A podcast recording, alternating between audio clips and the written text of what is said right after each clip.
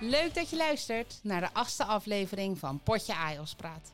De podcast voor jonge artsen. Ik ben Mijke Smit, arts, PhD-student en podcasthost. Wil jij gaan promoveren of twijfel je? En wat helpt als je in opleiding tot specialist wilt komen? Klinische ervaring of promotie? Blijf nu luisteren, want vandaag bij mij aan tafel Reinoud Gemke en bekende van de show Karsten van Loon. Reinoud is kinderarts, professor binnen de kindergeneeskunde en is jarenlang opleider van AIOS geweest. Reinoud zal over niet al te lange tijd met emeritaat gaan. Hij heeft gedurende zijn werkzame jaren veel wetenschappelijk werk verricht en de lijst met gepubliceerde artikelen op PubMed is heel lang. Vandaag zullen we vanuit de professor, AIOS en onderwijskundige hoek kijken naar de zin en de onzin van promoveren voor artsen. Vergeet niet Potje AIOS Praat te volgen op Instagram en dan gaan we nu snel van start.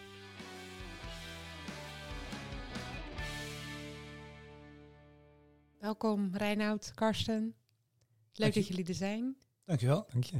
Eerste podcast, Reinoud. Ja, laat me verrassen. Goed zo, heb je er zin in? Ik heb er wel zin in, ja. Goeie warming-up. Goed zo. We hebben nu een iets ander format dan dat we tot nu toe hebben gedaan. Wat ik vandaag wil gaan doen is dat we een stelling eh, nemen en dat we dan, nou ja, dan ons uitspreken. Hè. Zijn we het eens of zijn we het oneens? En dan kunnen we daarover met elkaar eh, in discussie gaan. Dus dat is het plan. Dus echt gewoon kiezen en dan eh, nuanceren komt later wel. Ja, moeten we wel kleur bekennen, hè? Ja, precies. Ja, dat is Dat is belangrijk. goed. Voordat we dat gaan doen, denk ik dat het belangrijk is dat ik eh, de luisteraars die misschien nog een beetje nieuw zijn in deze materie, een beetje meeneem in wat is een PhD nou. Ehm, ik denk dat dat goed is om het achtergrondinformatie te geven. PhD staat voor Doctor of Philosophy. En dat is dus ook wel je promotieonderzoek. En dat kan je doen na een universitaire master. En wat ik had gelezen is dat je PhD is het hoogst haalbare academische opleidingsniveau. Eh, nou ja, die je kunt halen. En de bedoeling is dat je meestal in een jaar of vier dus echt wordt opgeleid tot wetenschapper. En je hebt dan een team met ervaren wetenschappers om je heen. En zo groei je dus heel langzaam in je rol van PhD-student naar uiteindelijk, nou ja, PhD'er, dus onderzoeker, wetenschapper. Eigenlijk iemand die zelfstandig onderzoek kan doen. Daar komt het eigenlijk op neer. Dat is de kern van wat je in je PhD zou willen bereiken.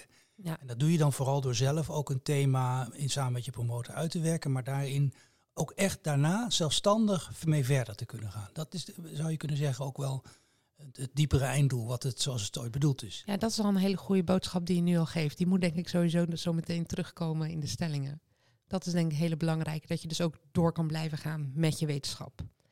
Ehm, wel nog belangrijk denk ik als aanvulling, als je dus dit een jaar of drie, vier gedaan hebt, je hebt nou ja, veel wetenschap bedreven, je bent gegroeid in je rol, dan ga je je eh, PhD-onderzoek verdedigen voor een commissie. En dat kan je dan, nou ja, dat behaal je dan in principe. Ja, dat is vooral een ceremonie waarin je dan hè, met mooi uitgedoste hoogleraren in een toga en jij in je rockkostuum als je jongen bent en een meisje in een heel mooie outfit voor je be- familie, bekenden en wetenschappers eh, je proefschrift verdedigt. Zoals het heet, het feitelijke werk is daarvoor al gebeurd. Want hè, de wetenschappelijke kwaliteit, vaak zijn artikelen al gepubliceerd en de wetenschappelijke kwaliteit, daar sta je zelf voor in, daar staan je promotoren voor in en je co-promotor voor in. Maar dat is ook naar een commissie van externe deskundigen gegaan, die, die als het ware, om niet te slagen zijn eigen vlees te laten keuren, want als ik jouw promotor ben, ja weet je, ik ben bevooroordeeld. Maar dan gaat een co- commissie die ook een beetje op afstand staat van het onderzoek zelf, maar wel experts zijn, voorkeur mensen uit een ander centrum, gaan er naar kijken en die gaan er iets over zeggen. En die zitten ook aan de tafel om jou dan te bevragen tijdens die promotie. En dat is dan ook het leuke om dan als het ware te laten zien aan, aan het publiek en aan je collega-onderzoekers, hè, die, die hoogleraren en andere geleerden achter de tafel, van nou, ik heb dit onderwerp echt tot me genomen en ik kan hier ook moeilijke vragen goed over beantwoorden. Ja, ik ben gegroeid in die rol. Kan je het nog herinneren? Je eigen verdediging? Ja, als de dag van gisteren. Ja? Ja. Karsten, jij? Ja, voor jou is het niet zo lang geleden, toch? Nee, dat valt mee. En ik kan het me heel goed herinneren. En ik, vind, ik vond het heel jammer dat we in Nederland dit model hebben. Want in heel veel landen, of heel veel landen, maar in andere landen moet je soms echt uren verdedigen. Oh. Totdat de commissie akkoord is met jouw verdediging. En dat kan dus echt uren doorgaan. Waarbij je gewoon helemaal doorgezaagd wordt. Oh, Dus in Nederland hebben wij weer een heel erg uh, gepolderd model. Uh, wat eigenlijk een beetje nou ja, een ceremonie is, hè, voornamelijk. Maar uh, het, het, kan dus nog veel leuker, wat mij betreft. Oh, van jou zou het wel wat meer, wat harder mogen. Ja, Even ja, goed doorzagen ja, op de PhD-student. Ja, ja, nou. heerlijk. ben blij dat jij niet aan de knoppen staat, uh, Karsten. In Engeland uh, ben je de hele dag, uh, kun je de hele dag doorgezaagd worden tot iedereen tevreden is. Maar dat kan uren duren, ja. Ja, nou, ik ben blij met het Nederlandse model, want ik moet nog. Hè. We gaan starten met stellingen. Reinoud, deze eerste is voor jou. Dat ik gepromoveerd ben en wetenschappelijk actief ben gebleven, heeft gemaakt dat ik een betere dokter ben. Eens of oneens? Ja, daar ga je. Ja, um, als ik voor mezelf spreek, eens. Ja. Ja? Je twijfelt wel? Ik denk dat dat niet voor iedereen en altijd geldt. Nee. En hoezo heeft het jou wel een betere dokter gemaakt? Uh, als ik daar heel kort iets over mag vertellen. Ik heb, um, ik heb een onderwerp gekozen waar ik, waar ik zelf voor gekozen heb. Ik ben niet op een. Ik, ik, ik had de kans om op een rijdende trein te stappen. Mm -hmm. Uh, dat, dat was niet waar ik warm van werd van binnen, om het maar zo te zeggen. Ik wilde een klinisch relevant onderzoek doen. Ik werkte op een intensive care als fellow. Ik kon door in beademingsonderzoek bij proefdieren. Dat stond mij tegen. Ik heb zelf uh, toen gezien hoe, hoe dat er wat een klinisch belangrijke vraag is. En dat vond ik namelijk, we deden voor op een intensive care van dingen hele ingewikkelde dingen bij kinderen. Sommigen overleefden, meeste overleven gelukkig. Mm Enkele overlijdt, dramatisch. Maar best een aantal komen er ook met restverschijnselen uit. Ik was geïnteresseerd, hoe, hoe, hoe gaat dat nou? Hoe is de voor ernst van ziekte gecorrigeerde sterfte? Hoe is de kwaliteit van leven na één, twee jaar na opname op een IC? Dat was een onderwerp waar ik echt in geïnteresseerd was. En omdat ik me daar vanuit eigen keuze in kon verdiepen, denk ik dat me dat toch een betere dokter gemaakt heeft. Uh, maar ik denk dat dat een geluk is geweest wat ik heb gehad. Nou, dat kost weet ook niet. wel veel, kost ook veel effort, kost zeker veel effort. Maar ik denk, ik denk dat dat ook wel gemaakt heeft dat ik denk dat me dat een betere dokter gemaakt heeft. Maar nogmaals, ik denk dat dat een toevalstreffer is en lang niet altijd zo is. Maar in welke zin dan een, een betere dokter? Want had je dan slechtere patiëntenzorg geleverd als je niet dat had gedaan? Um, dat vind ik wel een goede vraag. Ik denk, ik, ik denk dat het, uh, ik denk dat ik, ik denk dat ik over hoe we kwaliteit leveren en wat factoren zijn die de kwaliteit van zorg beïnvloeden, dat dat door dit onderwerp wel heeft geholpen. Dus misschien de vraag is dan inderdaad, heeft het mij een betere dokter gemaakt? Is misschien, uh, zou je misschien ook nog nee op kunnen zeggen. Ik denk dat het wel een bijdrage geleverd heeft in wat zijn nou cruciale factoren voor de kwaliteit van zorg. Uh, Oké, okay, dus aan het, aan het grote verhaal heb je meegeholpen.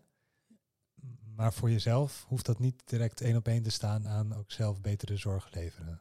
Ik, ik denk dat dat een goede, goede aanvulling is. Ja, okay. ja eens. Interessant. Zo. We gaan gelijk door naar de tweede stelling. Ik raad iedere jonge arts aan om te gaan promoveren. Ben ik ook benieuwd naar jouw mening, maar ook naar die van Karsten. Reinoud. Mag ik, e-, moet ik eerst? Ja. Ik zeg nee. Oké. Okay. Karsten? Nee. Nee. nee. Oh, heel duidelijk. nou, vertel, waarom zo duidelijk nee? Want het, ik bedoel, het is toch, je leert echt doorbijten, vastbijten, literatuur interpreteren, wetenschappelijk schrijven. Het zitten heel veel skills in die ja, dat, gewoon dat heel waardevol prachtig, zijn. En dat is ook heel belangrijk, um, maar zeker niet voor iedereen. Ik denk, kijk, daar zit de crux natuurlijk in. Niet iedereen moet dat willen, niet iedereen uh, kan dat goed. Nee. Um, ik denk dat je ook heel goed arts kan zijn zonder die competenties. Ja. Ja, ik denk dat Reinoud daar wel mee eens is. Hè? Ja, en ik, ja, daar ben ik het mee eens. Um, ook omdat ik vind dat je, uh, omdat je onderzoek moet gaan doen als dat bij je past en als dat je talent is. Ik denk als, als dat zo is, dan, dan kun je met, met weinig energie heel veel bereiken. Als je talent ergens anders ligt, op het gebied van onderwijs, of op het gebied van recht en ethiek, of op het gebied van empowerment of ICT, noem maar op, dan denk ik dat als daar je talent ligt, dat de toegevoegde waarde daar zou kunnen liggen. Ja. En we, zijn, we, hebben, we hebben heel lang uh, volgehouden dat de medische opleiding echt een pure wetenschappelijke opleiding is. Maar ontwikkeling gaat zo snel en ook van buiten de rechtstreekse dokters komt enorm veel tot ons. Dus ik denk eigenlijk dat we ons dokters vooral moeten, aanstaande dokters moeten concentreren op het medische vak.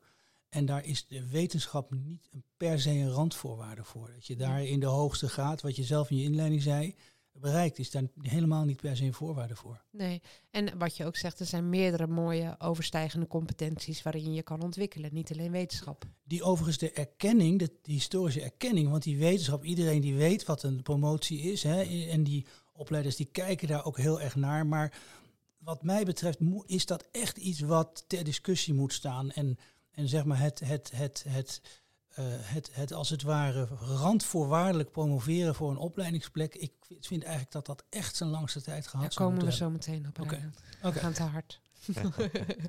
Zal ik gelijk de volgende stelling maar doen? Ik ben nog wel even benieuwd naar jouw mening. Want oh. jij hebt natuurlijk ook mensen om je heen gezien. Ook de Amios, Ajos ook. Ja, uh, want je ziet ook mensen om je heen, je ziet jezelf. Maar Raad ik het aan iedere arts aan? Ja, is het een proces waarvan je zegt het is wel echt...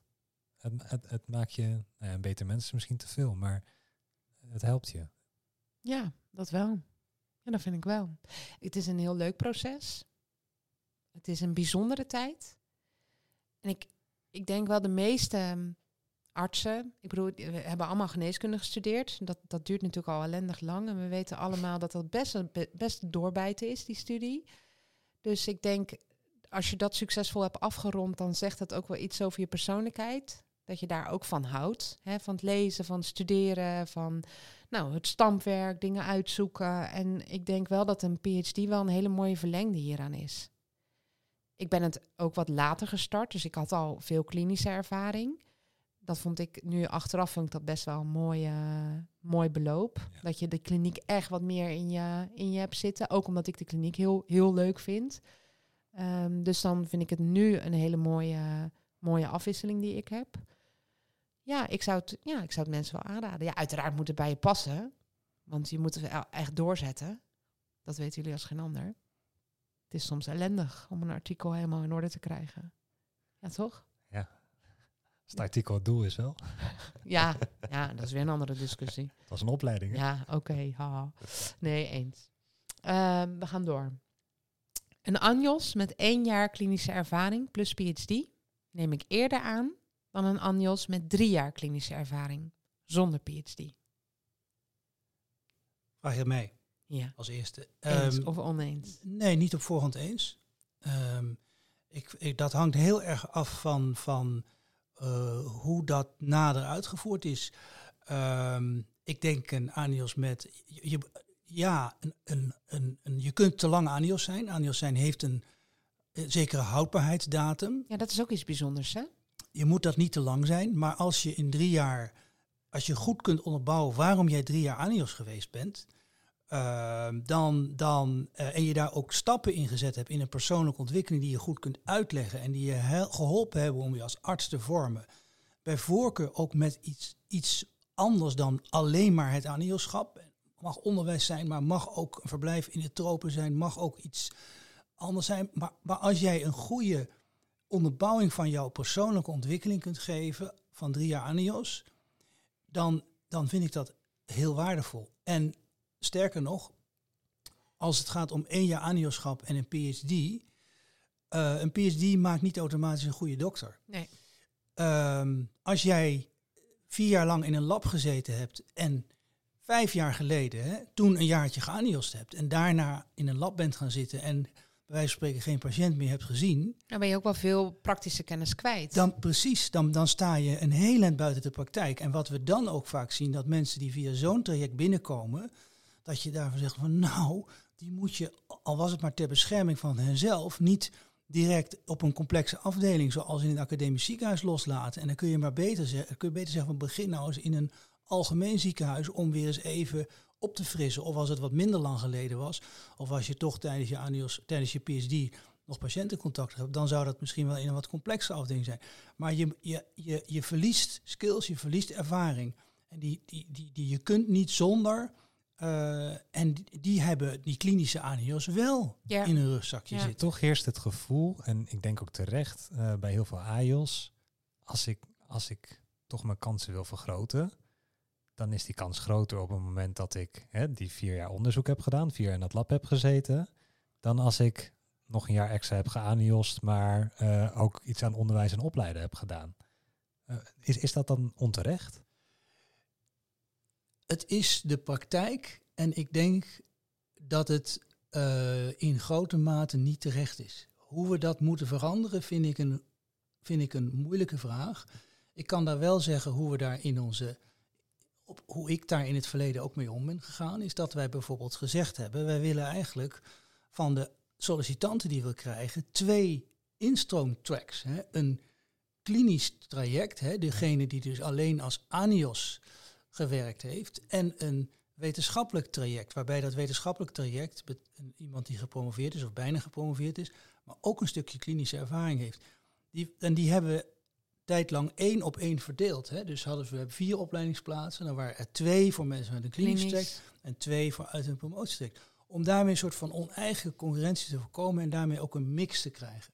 Daarna hebben we dat losgelaten, omdat we zagen eigenlijk dat we toch met, met elkaar en ook met de leden uit ons oor, hè, dus, dus de, de regionale ziekenhuizen waarmee we de sollicitatie dat we zo ver naar elkaar toegegroeid waren, dat we eigenlijk dat dat van nature de uitkomst was. Dus dat wij niet meer als het ware die twee tracks nodig hadden, maar dat de uitkomst was dat wij een mix hadden. En dat zou ik eigenlijk toewensen dat dat veel breder zou gebeuren. Ja, ik, ik sluit me wel aan bij Karsten dat er toch vaak het idee is, ik denk met name in de snijdende uh, specialisaties, dat het idee dat uh, promoveren je een streepje voorgeeft. Um, dus ik heb de getallen er eens bij gezocht. Of dat nou ook echt blijkt uit de cijfers. En dat is dus niet zo. Dus um, als er wordt gekeken, uh, eh, 40% van alle artsen zijn gepromoveerd. 6,3% is hoogleraar, dus je behoort tot een klein clubje. Um, en van alle gepromoveerde um, artsen blijft uiteindelijk 82% uh, werken binnen een ziekenhuisspecialisatie. En dan nog 10% binnen de sociale geneeskunde en 7% in de huisartsgeneeskunde. Um, dus dat lijkt eigenlijk al best wel mee te vallen. Dus het is, het is echt niet zo dat iedere arts. Ja, vind je? Ja, dat vind ik, ik eigenlijk wel meevallen. Enorme getallen. Als ik kijk naar andere studies, zijn er andere studies waarbij een academische studie, hè, want dat is geneeskunde, ja. althans, zo is het nog altijd gelabeld. Um, nou, waarbij, is het ook nog, toch? Dat is het nog, ja. Andere podcast. Ja, andere podcast. nee, maar waarbij um, een andere academische studie waar zo'n hoog percentage gepromoveerde is. Nou, dat weet ik niet. Bedenken. Dat weet ik niet. het is wel zo dat de geneeskunde enorm heeft bijgedragen aan de groei van de anthropomorfenie. Dat herken ik wel heel erg. Um, uh, dat heeft ook te maken met die kansvergroting op een opleidingsplek die er, hebben we het net over gehad, of die nou terecht is of niet, maar die, die is er in het verleden in ieder geval geweest. Dat heeft bijgedragen tot de groei. De andere kant van het verhaal is denk ik ook, wat ik ook heel interessante getallen vind, is dat als je, als je kijkt naar van, hè, vergroot het je kans op een opleidingsplek, zeggen veel assistenten, hè, sollicitanten en ook die de opleiding zijn, en ook veel opleiders zeggen daar ja tegen. Ja. Als je zegt, is dat, als je vraagt aan opleiders, is dat terecht? dan zegt, maar, dan zegt een kleiner stuk daar ja tegen. Volgens mij zitten we in iets van 55% die zeg maar zeggen van nee, aan een opleiding of een PhD-schap om in opleiding te komen is, helpt, is beter. Maar of dat terecht is, daar zegt ook een groot percentage van diezelfde meerderheid van zegt dat is eigenlijk niet terecht.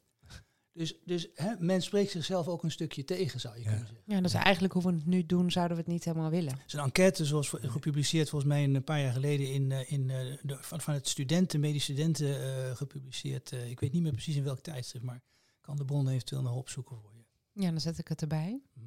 Ja. ja, het is interessant. Dus dat gevoel leeft, maar is niet helemaal wat er dus in de praktijk gebeurt.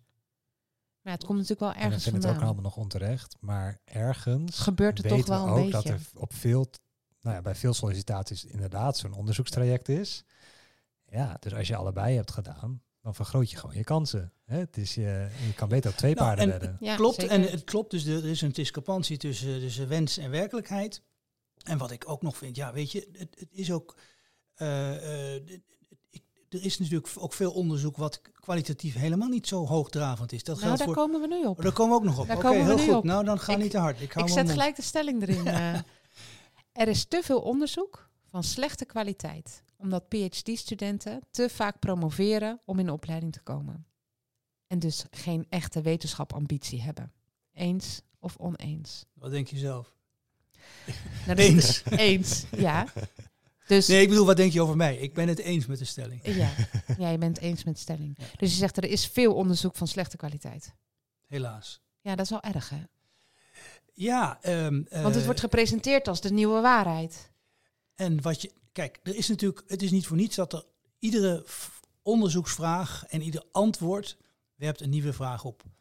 Ehm, maar ehm, eh, grote antwoorden zijn er niet zo vaak.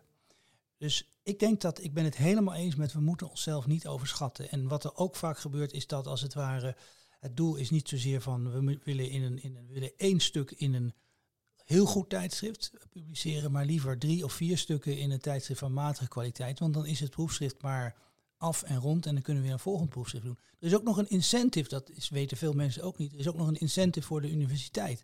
De, je krijgt ook per afgeleverde promo- promovendus komt er ook geld naar de universiteit. Dat gaat overigens vaak niet naar het ziekenhuis. Zie je zelf als promotor helemaal niks van terug.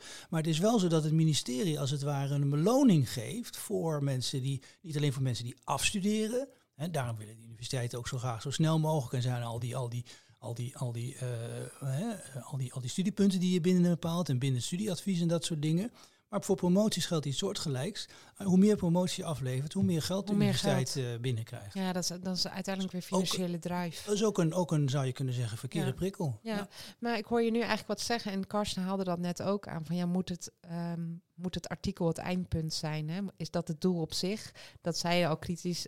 Ja, ben ik het met je hele verkeerde eens. incentives. Ja, en dat ja. zegt Reinoud nu eigenlijk ook. Het zou, we zouden natuurlijk veel meer moeten streven naar dat we loslaten waar een PhD precies aan moet voldoen. Maar dat er echt gekeken wordt naar welke wetenschappelijke vraag hebben we te beantwoorden. Hè? Waar is er een gap die gevuld moet worden?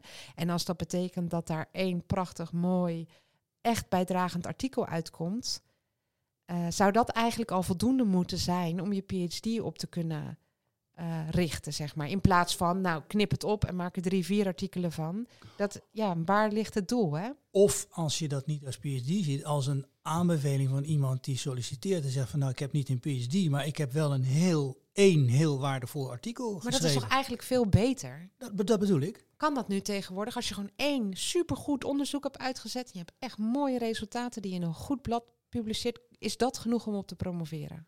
Nee, dat is niet Nee. genoeg om op te promoveren, maar wel wat mij betreft een hele mooie aanbeveling van iemand die ook klinische ervaring heeft en die solliciteert voor een opleidingsplek. Ja, Maar dat als je wel. daarmee solliciteert en er zit een hoogleraar in de selectiecommissie, dan is de kans toch ook best aanwezig dat die hoogleraar denkt, nou, jij hebt al een mooi artikel kunnen schrijven. Doe er nog drie Als bij, je dan er is het nog klaar. drie bij doet, onder mijn begeleiding, dan heb ik weer een mooie promotie binnen.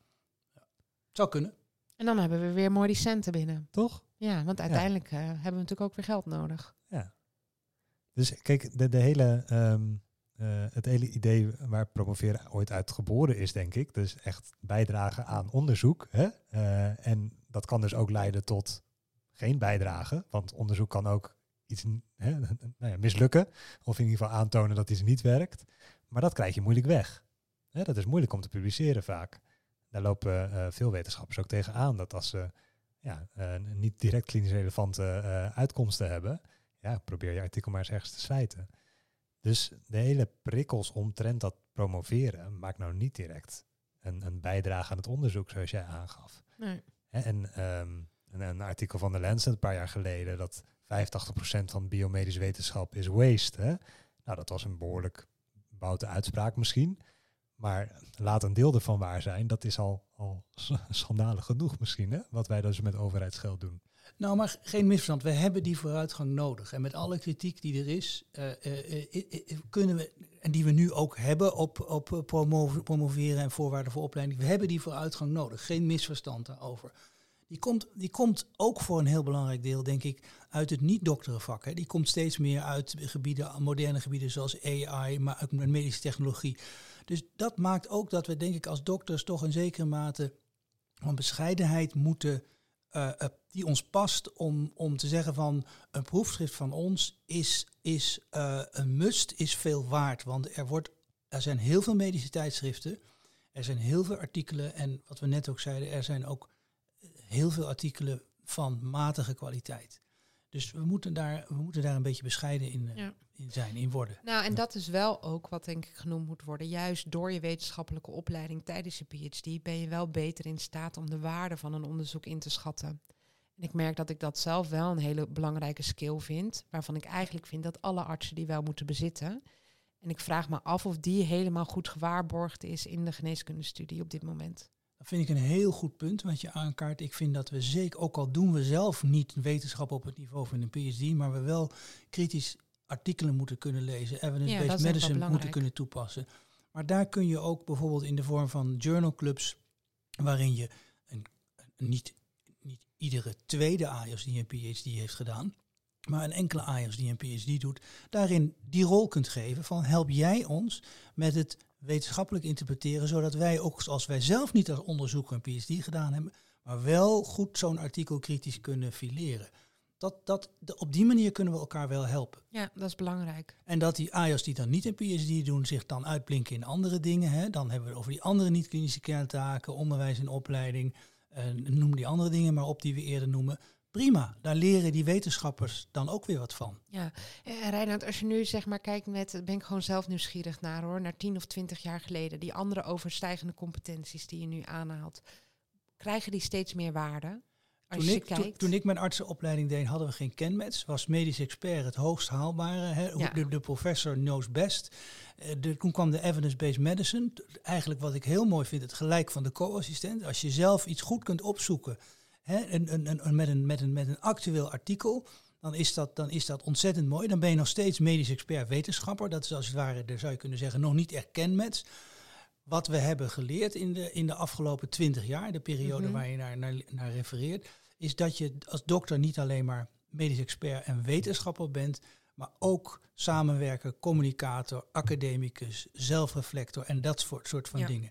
En die, die tracks zou ik toewensen dat we daar in de toekomst eh, ook mensen als het ware een, een soort van tenure track ingeven als ze daar goed in zijn, op weg naar een opleidingsplek, maar ook daarna. Want je, leidt niet alleen, je werkt niet alleen voor je opleiding, maar ook voor als je later in een vakgroep werkt. En daar hebben we wetenschappers nodig die ons helpen de nieuwe input goed kritisch te fileren. Maar daar hebben we ook die andere niet-klinische kerntaken bij, bij nodig. En Ja. dan wordt de zorg, dan word je als dokter beter. Ja. Niet alleen als wetenschapper, maar ook als iemand die ons de weg kan wijzen als communicator of als samenwerker of ICT eh, of, of recht en ethiek. Ja, dus eigenlijk heb je alles nodig in je vakgroep, hè, in je maatschap. Zo is het. Ja, dus niet alleen die PhD'er, maar ook die onderzoeker Een of die PhD onderwijzer. is voldoende. Eentje is genoeg. Eentje. Hey, goed, ik, ehm, ik wil nu eh, nog een vraag stellen in plaats van een eh, stelling. Eh, want we hebben al zoveel besproken. Als je nu een co-assistent luistert of een arts luistert die twijfelt, wil ik nou wel of niet gaan promoveren, ik weet het niet zo goed. Ehm, wat zou diegene aanraden om mee te beginnen, Karsten? Wat denk jij dat je dan, wat is dan je eerste stap?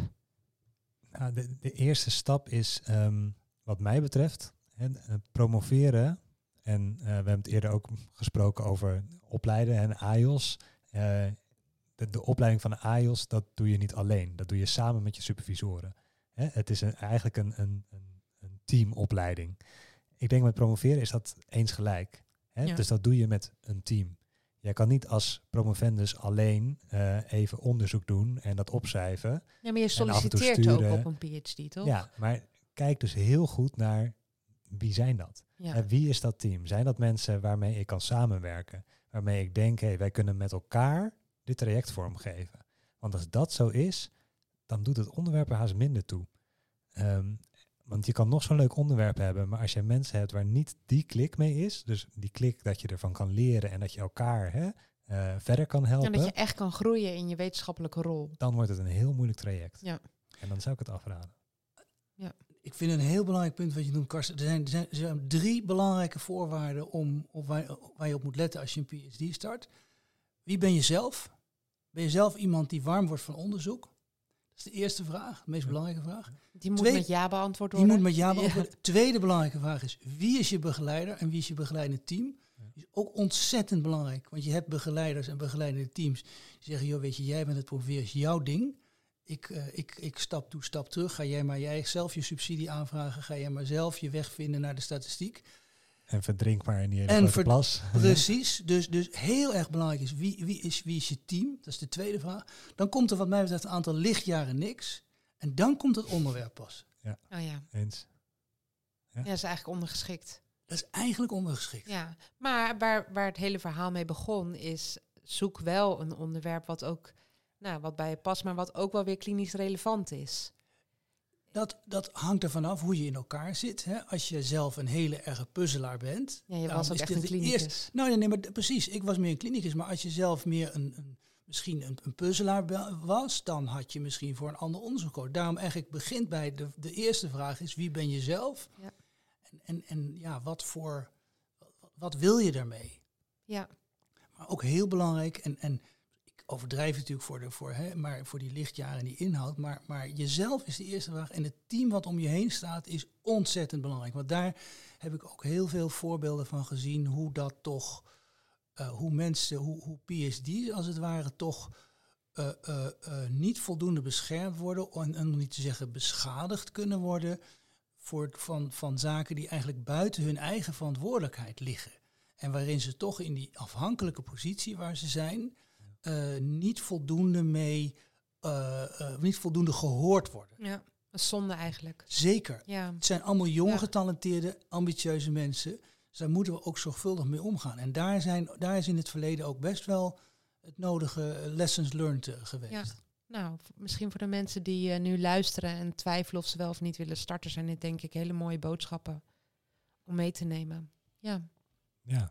Karsten, wil je nog wat toevoegen aan deze drie punten? Nee, ik, ik wens heel veel succes en ook heel veel plezier. En zie het ook weer als, het is een opleiding. Hè? Ja, je mag Ehm, leren. En, en hou van het leren, hè? hou van het proces. Eh, dus ook als je af en toe heel hard struikelt, ja, daar leer je toch ook wel echt weer van. Hè? Het Ehm, vormt wel. Ja, en dat is soms heel moeilijk, omdat je toch ergens die, die prikkel voelt hè, van oh ik moet en ik moet publiceren. Maar uiteindelijk, het is jouw proces, het is jouw opleiding, ja, wat je met, samen met een prachtig team kan doen. Dus geniet er dan van. Ja, daar gaan we het mee afronden. Bedankt voor jullie komst. Graag gedaan. Graag gedaan. Dit was het alweer voor vandaag. In de volgende aflevering ga ik in gesprek met Lucie Dubelaar.